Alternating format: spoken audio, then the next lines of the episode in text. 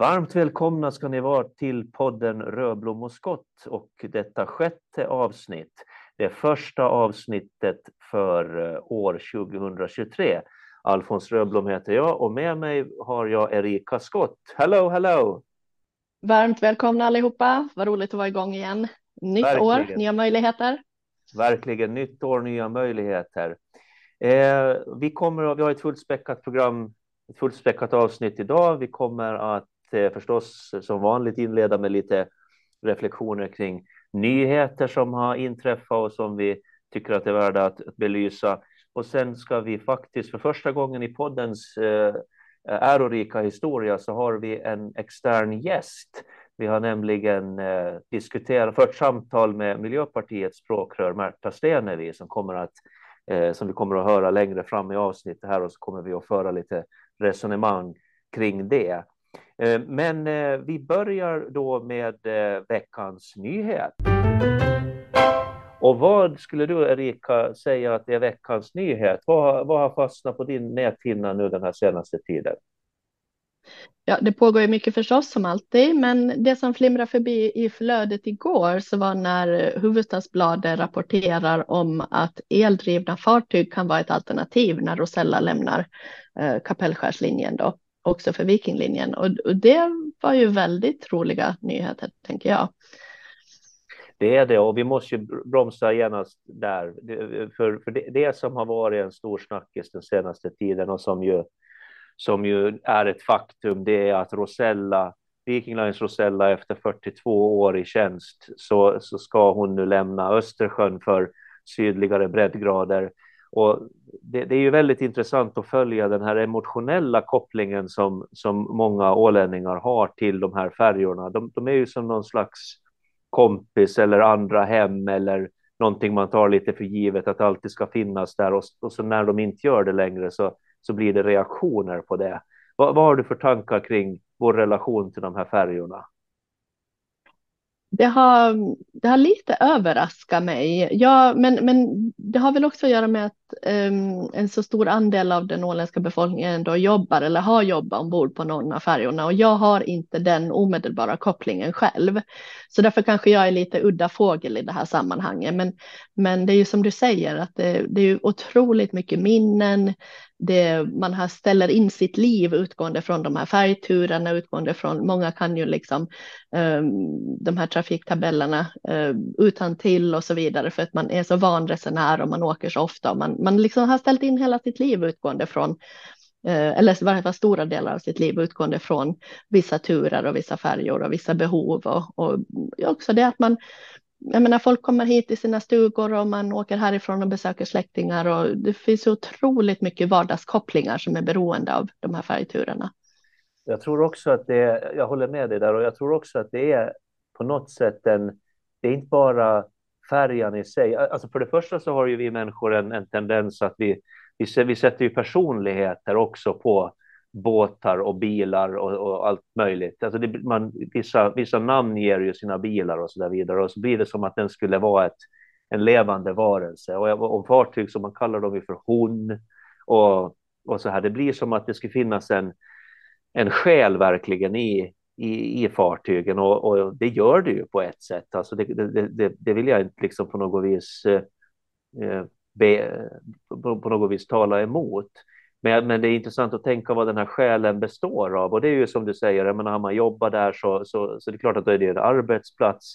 Eh, åker man mycket med ett fartyg så, så blir det som ett andra vardagsrum. Det blir som en förlängning av ens hem kan man väl säga, eller en förlängning av, av ens studiebostad eller, eller vad det kan handla om.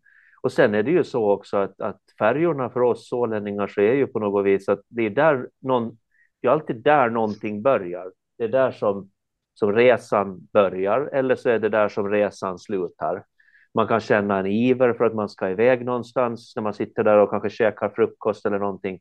Eller, och så kan man känna sig trött och, och, och glad att komma hem när man kommer hem med kvällsturen. Så det är ju, jag tror att vi har, många av oss har ju laddat in en hel del sådana här känslor i de där utrymmena ombord på, då, i det här fallet, Rosella på något sätt.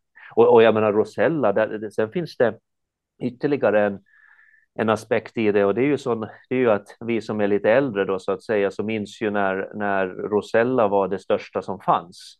Eh, då på den tiden när jag var liten och vi skulle åka till, till fin, finska sidan för att, för att hälsa på släktingar och sånt, då, då upplevde man att Rosella var ju den stora båten. Mm. Det var ju det stora, vet du. Och så, så det är också någon, någon, Rosella blir på något vis också en, en symbol för färg. Det är den, alltså det, det, det, det är också den sista fartygen som går idag som kom från den tiden då, då det exploderar med nya färjor hela tiden. Det var ju nya färjor hela tiden. Den här stora färgexpansionen som, som var då i början av, alltså var på 70 och början och 70-80-talen liksom. Så den, mm, det är sant. Ja. Det är en symbol också för den eran. Och sen förstås är ju den stora frågan att, att eh, men vad betyder det här nu då? Och vem kom, vad kommer istället och vad, och vad händer? Och då talas det ju lite om att kommer Finnlines att ta nytta av situationen på något vis och, och hur kommer det här att möblera om? Vi eh, har ju som sagt eh, en historisk upplevelse här nu i podden Röblom och skott och det är det att vi för första gången kommer att ha en gäst. Eh, och då måste vi ju direkt säga att det handlar ju inte om att det är en gäst som nu sitter med oss här i, i diskussionen. Så blev det inte denna gång, utan det här är ett samtal där du Erika och jag träffade Märta Stenevi i Köpenhamn för ett tag sedan och passade på att föra ett, ett samtal med henne med vår, in, med vår bandspelare framför oss. Lite om vad, vad den gröna ideologin är idag. Eh, och det, det fanns en orsak till det förstås, att vi, vi, kom, att vi valde att diskutera det. Och det är ju det att det, det är en fråga som diskuteras väldigt aktivt, märkte vi, eh, bland de europeiska gröna partierna och, som, och en diskussion som pågår att i en politikutveckling och för, för de gröna partierna, men också, också en, en, eh, ett stort arbete kring att fundera var man är i hur man ska placera sig och var man är i förhållande förstås till de andra politiska strömningarna och, och så där vidare. Och det, det här är ju en väldigt stor och, och bred diskussion, så vi kan väl säga direkt att det här är ingenting vi avklarar i ett avsnitt av Rödblom och skott och så, och så är det helt fullt och klart var den gröna ideologin är idag. Och inte heller så är det fullt och klart eh, exakt var hållbart initiativ är till, i förhållande till, till allt det här. Och det är också ett arbete som, som pågår. Så jag tycker det kan vi väl göra som en disclaimer med en gång att det är inga alla svar som kommer i det här avsnittet. Eller? Nej, precis, utan det här liksom att, att det, det, blev en, en, spontan diskussion kring de här frågorna och vi tyckte att det var så pass intressant att vi ville ta det med oss och, och dela med oss av det här och, och dela med oss dels av vad Märta och, och Miljöpartiet och hur, hur de lite förhåller sig till det här och, och sen också vad innebär det för oss? Ehm, inom hållbart initiativ och i ett åländskt sammanhang. För det måste vi ju säga att det finns ju en, en övergripande grön berättelse som man kan säga att det finns vissa gemensamma nämnare både, både inom våra nationella och mera lokala partier och sen också på europeisk och global nivå. Så det finns ju en, en sån större berättelse. Men sen den lokala politikutvecklingen, där kan det ju finnas ganska ganska skilda liksom, linjedragningar och så där beroende på det lokala samhället. Men det här är ett första sätt att lite bekanta oss med, med den där lite större gemensamma berättelsen. Märta Stenevi, hej på dig! Hej! Vad kul att du, du ville ställa upp och samtala med oss lite. Jättetrevligt, verkligen. Tack för inbjudan. Och du är ju förstås eh, vår, vår eh, språkrörskollega kan man mm. säga i väst här i Sverige. Mm. Mm. Och, Stämmer. Och eh, förutom det också vår första gäst i podden. Va? Jo, precis. Ja, det är sant. Vilken ja, ära. Ja. Så att vi, vi är lite ute på lite Bambi på hal is här ja, nu. Men fantastiskt, vad kul. Mm. Tack för det. I den klassiska politiska diskussionen så har vi under hundra år plus haft höger-vänster-skalan. Mm. Mm eh, arbetarna och kapitalisterna om man hårdrar det. Mm. Och så nu representerar vi den gröna rörelsen. Mm. Var skulle du beskriva att, att, den gröna rörelsen är idag i förhållande till de andra politiska rörelserna? Mm, jättebra fråga. Um, till skillnad från de eh, etablerade partierna som har funnits under väldigt lång tid, och nu pratar jag framförallt kanske ur ett svenskt perspektiv som jag kan det bäst. De är ju födda ur Eh, en ekonomisk teoribildning, det vill säga hur ska ekonomi hanteras, hur ska ett ekonomiskt system se ut och hur ska det förhålla sig till staten, hur mycket inflytande ska staten ha? Ehm, vi, kommer ju, vi är ju en rörelse som istället kommer egentligen ur rättighetsfrågor. Alltså ur skydd av miljön, så småningom då även klimatet, ur eh, rättighetsfrågor, fredsfrågor. Så det är ett annat perspektiv, det är ett mycket mer värderingsdrivet perspektiv som vi har kommit ur. Och det lägger ju då ett annat raster också på hur vi bedriver policyutveckling. Eh, för Miljöpartiet i Sverige så har det där blivit tydligt. Vi hade en, länge en tydlig mittenposition mellan de här blocken. Eh, därför att för oss så var den ekonomiska politiken ett verktyg för att uppnå andra mål snarare än en, en ideologisk målsättning i sig själv. Där hörde vi då eh, ett litet utdrag från vårt samtal med Märta Stenevi. Vad får du för eh, vad fick du för reflektioner av hennes inledning där, där hon lite berörde eh, den här bakgrunden på något vis till att de gröna, den gröna ideologin uppstod här för ungefär 43 år sedan, 45 år sedan ungefär. Mm, ja, men det är väldigt intressant för att alla politiska eh, ideologier eller inriktningar har ju uppstått som en reaktion på någonting. Det är någonting i samhället som behöver förändras, någonting man vill göra annorlunda, någonting som man känner att, att eh, här, här behöver vi hitta någonting nytt. Eh, och den gröna rörelsen och den gröna politiska rörelsen, den kommer ju ur um, en utveckling som, ska vi säga, där det moderna samhället utvecklas då efter industrialiseringen och mekanisering. Uh, och där uh, det har blivit ett väldigt stort fokus på produktion och på, på en global handel och liknande. Och um, i det då så, så kunde man liksom från miljörörelsen och från den gröna politiska rörelsen kunde vi säga då att oberoende om man, om man liksom hade en högerideologi eller en vänsterideologi vid makten då, så eh, var det ändå så att vi liksom systematiskt utvecklar årtionde efter årtionde efter årtionde så har vi ändå fortsatt på den vägen där vi, vi har haft ett samhälle som systematiskt har undangrävt förutsättningarna för mänskligt liv på planeten. Och det där har vi ju vetat då under en 50-60 år och, och gradvis så har liksom den där kunskapen och insikten har ju fördjupats och i takt med att det har fördjupats så har ju också de gröna partierna vuxit och blivit fler och större och fler och fler har engagerat sig i det här. Så det här är ju en, en eh, ja, i högsta grad under utveckling. Man kan ju tänka lite på det som så att i den här vågen av industrialisering som skedde eh, från, från slutet av 1700-talet och framåt i den vågen så fanns, ur den vågen så kom ju då förstås den här kampen mellan kapitalägarna och arbetarna och hela den här kampen om att arbetarna skulle få det bättre och, och, och, och vilken roll skulle, skulle staten, samhället ha gentemot företagarna och hur hänger liksom den treenigheten ihop och så vidare och så vidare. Men men just det att sen efter ett tag då, som du, som du är inne på, så, så, insåg, så insåg man ju att, att eh, det räcker inte riktigt med det där, för att den här industrialiseringsvågen skedde ju under premisserna, alltså under förutsättningarna att eh, eh, vär, jordens resurser var oändliga. Behövde man trä så gick man till skogen och högg ner och fick trä. Behövde man järnmalm så då grävde man upp järnmalm ur jorden och allt det här drevs förstås då med, med fossila bränslen som det fanns. Så man, man, det fanns ju inte på den generella kartan att det där skulle vara ett problem, att man släppte ut eller att man slängde soporna i sjön eller att, att man liksom förgifta vattendragen eller övergödde, övergödning och sånt här. Det fanns ju inte riktigt, det fanns inte på den här kartan överhuvudtaget.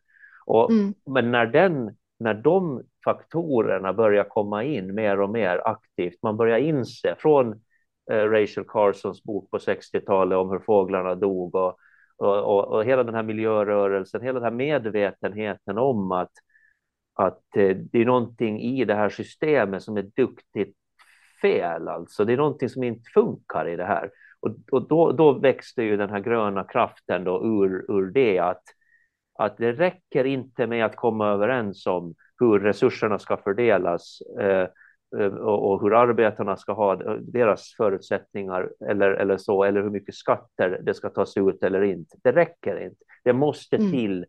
några lager till. Och i slutändan så måste ju allting bygga på att det ska rymmas inom jordens gränser. Ja, Märta lyfter ju det när hon tar upp eh, frågan om rättigheter och rättighetsfrågor, att den gröna rörelsen och ideologin, den politiska ideologin har vuxit ut ur det. Inte så mycket som du säger då över hur kapitalet ska fördelas eller vem ägandet eller, eller vem som är arbetare och vem som, som är investerare eller så, utan mer ur ett, ett rättighetsperspektiv. Och, och jag tycker det är intressant då om man säger att, att vi pratar om ekologisk, social och ekonomisk hållbarhet. Det, det har varit liksom sedan sen 80-talet då och Gro Harlem Brundtland och, och den, um, det arbete som gjordes då för att liksom mera globalt komma överens om att vad, hur ska vi se på begreppet hållbar utveckling. Och, och när man säger då att, att, att man, man ska liksom se till de här tre ehm, lite jämlikt då, de här tre olika aspekterna av hållbarhet. Och, och någonstans så har vi också, det var ju en bra då, Eh, och, det var ett sätt att komma vidare och att, att försöka förstå hållbarhet och föra in hållbarhet också eh, parallellt med en ekonomisk diskussion. Och det var helt nödvändigt då. Men vi ser ju också att det, det perspektivet räcker ju inte heller. Och jag tycker att Märta tar upp ett intressant perspektiv där då när hon pratar ur rättighetsfrågor, där vi säger att ja, men om vi ska ha ekologisk hållbarhet, då har vi ju en planet och vi har växter och djur som har rättigheter ett existensberättigande i sig själv. Där kan vi se då också med den här moderna ekocidrörelsen då som pratar om naturens rättigheter och så vidare. Det är också någonting som har kommit på starkare frammarsch de här sista fem åren bara. Och sen kan vi se då att vad det gäller ett rättighetsperspektiv att vi har också eh, mänskliga rättigheter som ju har utvecklat sig då sen också sen slutet på 40-talet då när man har haft mera globalt gjort de här Eh, överenskommelserna då över hur, hur vi ska förhålla oss till till grundläggande mänskliga rättigheter. Så, och där har det också skett ett arbete då. Eh, men sen kan vi ju se då den tredje aspekten när du kommer till ekonomin, så där kan vi ju inte gärna hävda att ekonomin i sig har några rättigheter. Och det här blir intressant då, att jaha, men det här kanske skiftar lite fokus då och säger att jaha, men när hon då säger att ekonomin ska inte vara ett mål i sig, utan ekonomin ska vara ett verktyg för att uppnå målen. Det, och målen är då Eh, de här rättighetsfrågorna då, att, att naturen, växter, djur, allt levande har rättigheter, vissa människor har rättigheter och det ska respekteras. Och hur vi sedan organiserar liksom vår resursfördelning och hur vi organiserar vår, eh, vårt liv och våra samhällen, det ska då vara så att vi uppnår de målen om att vi, vi liksom uppnår de rättigheterna. Jo, för det, det där tycker jag är ganska och det, jag har ju förstått det också att här Brundtlandkommissionen och, och, och de slutledningar man drog då i slutet av 80-talet så, så, så, så, som du säger, man har ju konstaterat att det, det, det, det räcker inte riktigt. Man, det, går, det når inga ända fram med det, för det vet vi ju att i politiska diskussioner så har man ju, jag har ju varit med om själv där man har fått eh, liksom motargument att ja, men hållbar utveckling handlar inte bara om, om, om miljö, utan det handlar också om, om det ekonomin. Och då, det känns ju, det kan ju låta väldigt logiskt på något vis, men jag håller med dig där att det är inte riktigt det. Inte för att om man tar de här tre delarna i det där nu då som, som man nu då bedömer, eller den här gamla förklaringen att hållbar utveckling, det handlar om social hållbarhet, ekologisk hållbarhet och ekonomisk hållbarhet, så är det ju faktiskt en som är lite eh, udda fågel i det här och det är just som du säger ekonomin. För ekologisk hållbarhet, har vi inte fungerande liksom, rent luft, ren luft, rent vatten och liksom, eh, mat, möjlighet att odla mat och så vidare, så då fallerar ju allt annat. Social hållbarhet, kan vi inte, kan vi inte umgås som människor och exist, samexistera på planeten utan vi börjar ta livet av varandra och, och, så vidare och så vidare, då fallerar allt annat.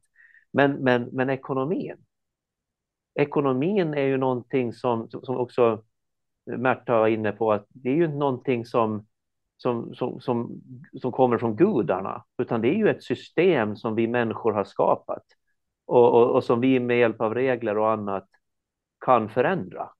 Så det är därför mm. som det blir lite udda fågel bland de här tre. Liksom. Vi kan inte förändra vårt behov av att leva tillsammans. Vi kan inte förändra vårt behov av, att, av det jorden och naturen ger oss, men vi kan förändra våra ekonomiska Eh, ramar och riktlinjer.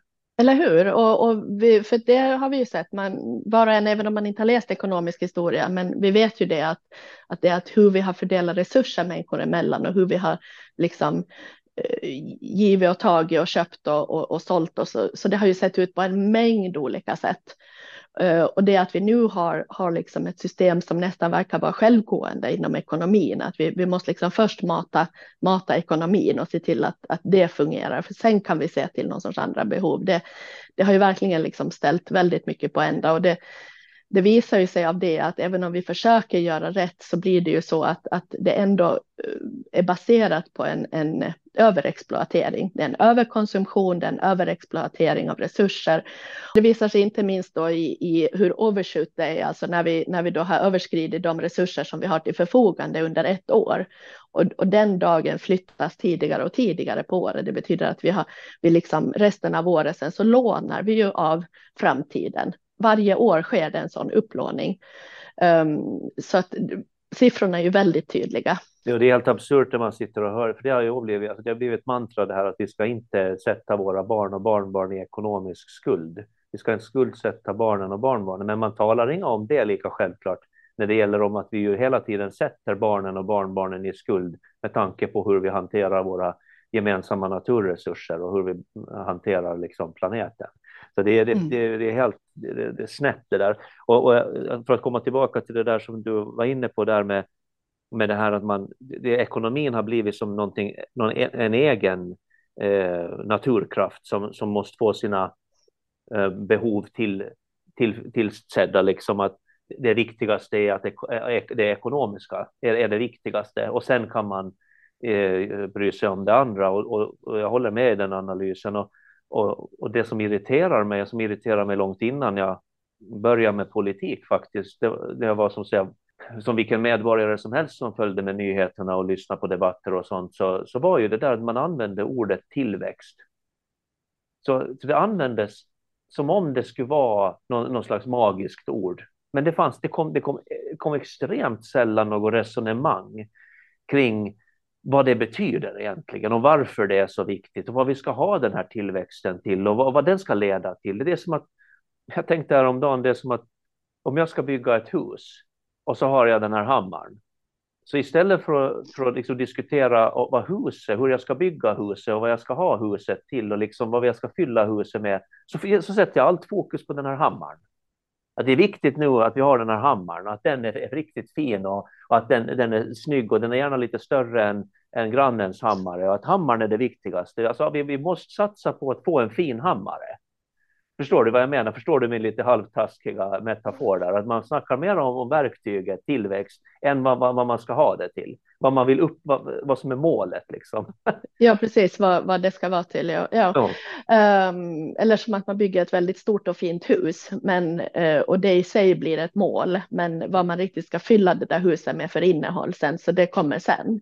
Ja. Um, en annan sån metafor kan ju också vara det att det är klart att vi har vi har ju tillväxt i ett visst skede. Jag menar rymden expanderar. Det är klart att det, det blir en viss massa tillväxt i naturen och så vidare. Va? Men Eh, det finns också en gräns i naturen för när det liksom så att säga bryts ner och åter, liksom, det finns ett kretslopp i naturen när, när naturen funkar enligt naturlagarna. Så, så finns det ju ständigt en kretslopp och det betyder att, att till exempel människor, vi växer ju också till, ganska hiskeligt från det vi föds till, till våra tonår så är det ju en hiskelig så att säga eh, materiell tillväxt Eh, i våra kroppar. Men den materiella tillväxten fortsätter ju inte oändlighet utan den materiella tillväxten så, så kommer ju sen att bytas mot någon form av kvalitativ. Så det är inte en kvantitativ tillväxt utan det blir en kvalitativ tillväxt efter det. Sen kan man ju lägga på sig en del efter, efter tonåren också. Men, men i, i huvudsak så, så skulle vi inte må bra. Vi mår inte bra om vi får för mycket kvantitativ tillväxt hela livet.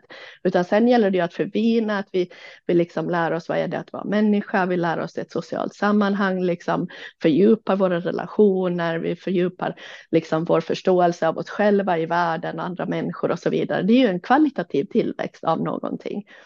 Och det är det här vi skulle behöva föra in lite mer i diskussionen av att, att man kopplar då att, att jo, men tillväxt och materiell tillväxt, det kan vara bra till en viss viss nivå och en viss ganska grundläggande nivå. Sen blir man inte lyckligare efter det. Sen blir man inte liksom, utan sen, sen gäller det faktiskt att andra kvaliteter i livet får växa till och fördjupas och utvecklas och så vidare. Och för att koppla tillbaka till, till Märta Stenevi, vi, vi, vi ska släppa in henne igen här om man säger så, då, för hon, hon för ju ett resonemang också om det här med med, med, med, marknadsekonomi och tillväxt och sånt eh, i, i, i den snutt vi, vi ska spela upp här. Men Eh, men hon inleder också med att diskutera, fortsätta diskutera det här med den, den gröna berättelsen och, och, och, vad den är och vad den behövs. Så vi, vi lyssnar lite tillbaka till på vårt samtal med Märta här.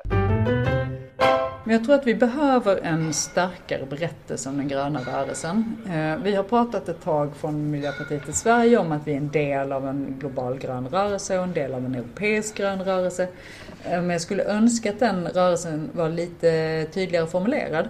För att jag tror att när man tänker på socialdemokratin till exempel, då har man en ganska tydlig bild av, av var den kom ifrån, vad den stod för, varför. Man kanske inte har alls koll på vad man egentligen drev från början, vilken, hur den liksom, politiken har utvecklats, men man har en vag idé om, om liksom vad som var grunden. För gröna tror jag, bortsett från att rena klimat och miljöengagemangen, så tror jag inte att man har den bilden. Eh, och jag tror att den är viktig att skriva därför att när vi ser den här extremt starka högerkonservativa vinden som blåser liksom hela vägen från USA och Republikanerna och över liksom eh, Europa och, och stora delar av världen. Så behövs det en motkraft. Och det behöver vara en rörelse som man liksom kan identifiera sig med och förstå ideologin bakom. Eh, och eh, i, Sveriges, i Svenska Miljöpartiet så pratar vi om de tre solidariteterna. Eh, så solidaritet med djur, natur och ekosystem, solidaritet med världens alla människor, solidaritet med kommande generationer. Ganska högtravande sägningar men de är också viktiga därför att egentligen så innebär de samma sak som Agenda 2030 och de globala hållbarhetsmålen, det vill säga det är odelbart. Man kan inte antingen prata om miljö och klimat eller prata om social rättvisa. Man kan inte antingen tycka att eh, barn ska ha en framtid att växa upp till eller tycka att de ska ha nutid. Den måste liksom finnas både och. Eh, och den berättelsen tror jag skulle behöva bli starkare, att vi hade en starkare gemensam eh, bild av var vi kommer ifrån. Och då handlar det inte om att vi ska ha gemensam policy, därför att vi har så olika förutsättningar nationellt så att det är inte, det är inte relevant. Jag tror inte heller det är det som krävs. Utan det är snarare berättelsen om vilka vi är. För vi ska ju komma ihåg att framförallt unga människor idag lever i en global värld på riktigt. Mm. På ett sätt som kanske min generation aldrig hade kunnat föreställa sig. När vi pratar om Iran och revolutionen i Iran. Eh, det är ju unga människor som lever i ett av världens absolut hårdaste förtryck. Och ändå när de är i sitt hem, när de är liksom utanför regimens blick, så är deras uttryck, deras musikval, deras val av kläder, deras val av liksom hur de vill leva, är oerhört likt det som svenska ungdomar ger uttryck för. Mm. Därför att de ser samma saker.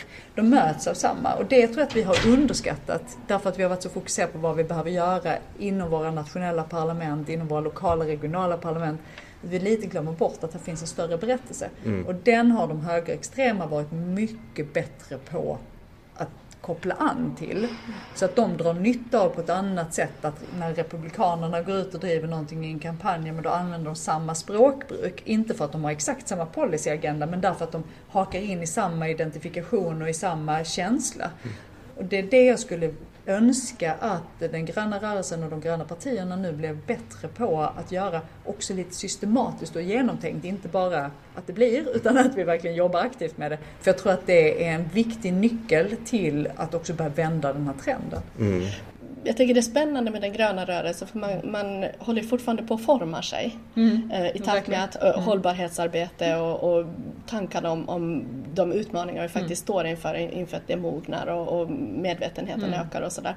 Och då tänker jag det jag har hört lite av nyckelord från den här berättelsen som jag tycker flera har liksom berört på olika sätt är just det här om, om den här eh, en, en värld i fred, mm. en värld med social rättvisa, mm. eh, där vi tar ansvar som du sa med de här solidariteterna, mm. men också en hållbar värld och att det mm. där tillsammans väver en berättelse och, och, mm. då blir jag personligen väldigt glad när man sen också från eh, hållbarhetspartier och, och mm. i den hållbara politiken när man säger att ja, vi ska använda ekonomin som ett verktyg för att skapa det där.